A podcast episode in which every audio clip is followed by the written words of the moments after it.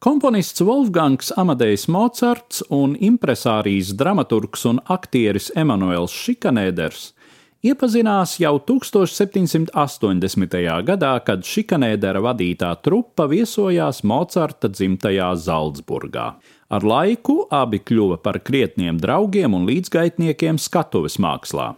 Kopš 1789. gada Šikanēdera vadītā trupa darbojās Vīnes priekšpilsētas Vīdenes teātrī, kur par tās augstākajiem sasniegumiem kļuva Mocarta operu iestudējumi, Bēgšana no Seraja un Burvju flauta, kurai pirmoreiz vēsturē te vērās priekškars 1791. gada 30. septembrī.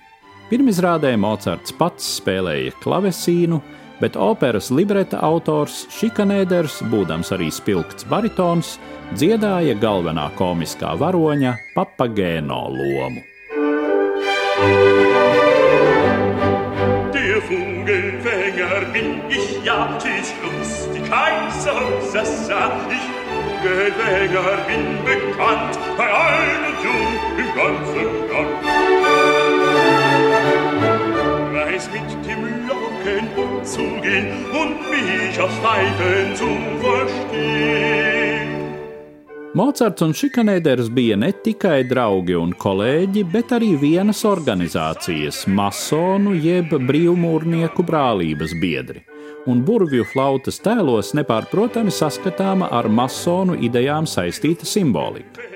Libreta detaļas vairāk kārt apspēlē masoniem būtisko skaitli trīs. Piemēram, otrajā cēlienā galvenais varonis Tamino iztur trīs pārbaudījumus, kuri starp citu aizdomīgi atgādina brīvmūrnieku iniciācijas rituālus. Daži saskata operas tēlos konkrētāku vēsturiskās realitātes atspoguļojumu. Tā gaišo spēku vadoņa Zarastro prototyps varētu būt Ignas von Borns, zinātnieks un nozīmīgs masonu kustības dalībnieks.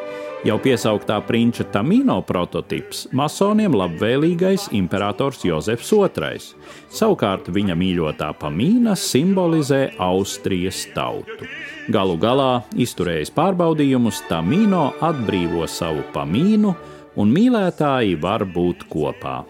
Opera neiztiek arī bez antagonista, un šī loma piekrīt nakts karalienei, kurā autori iespējams attēlojuši Jozefa otrā māti, imperatori Mariju Terēzi, masonu kustības vajātāju.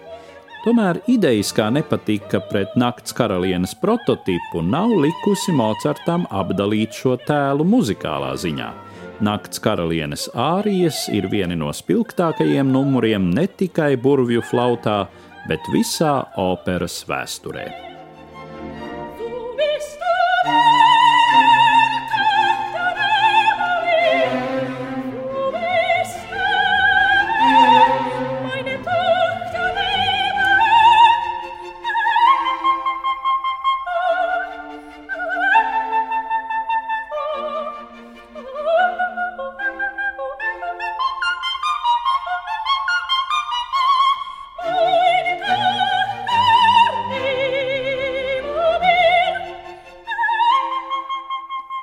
Stāstīja Eduards Liniņš.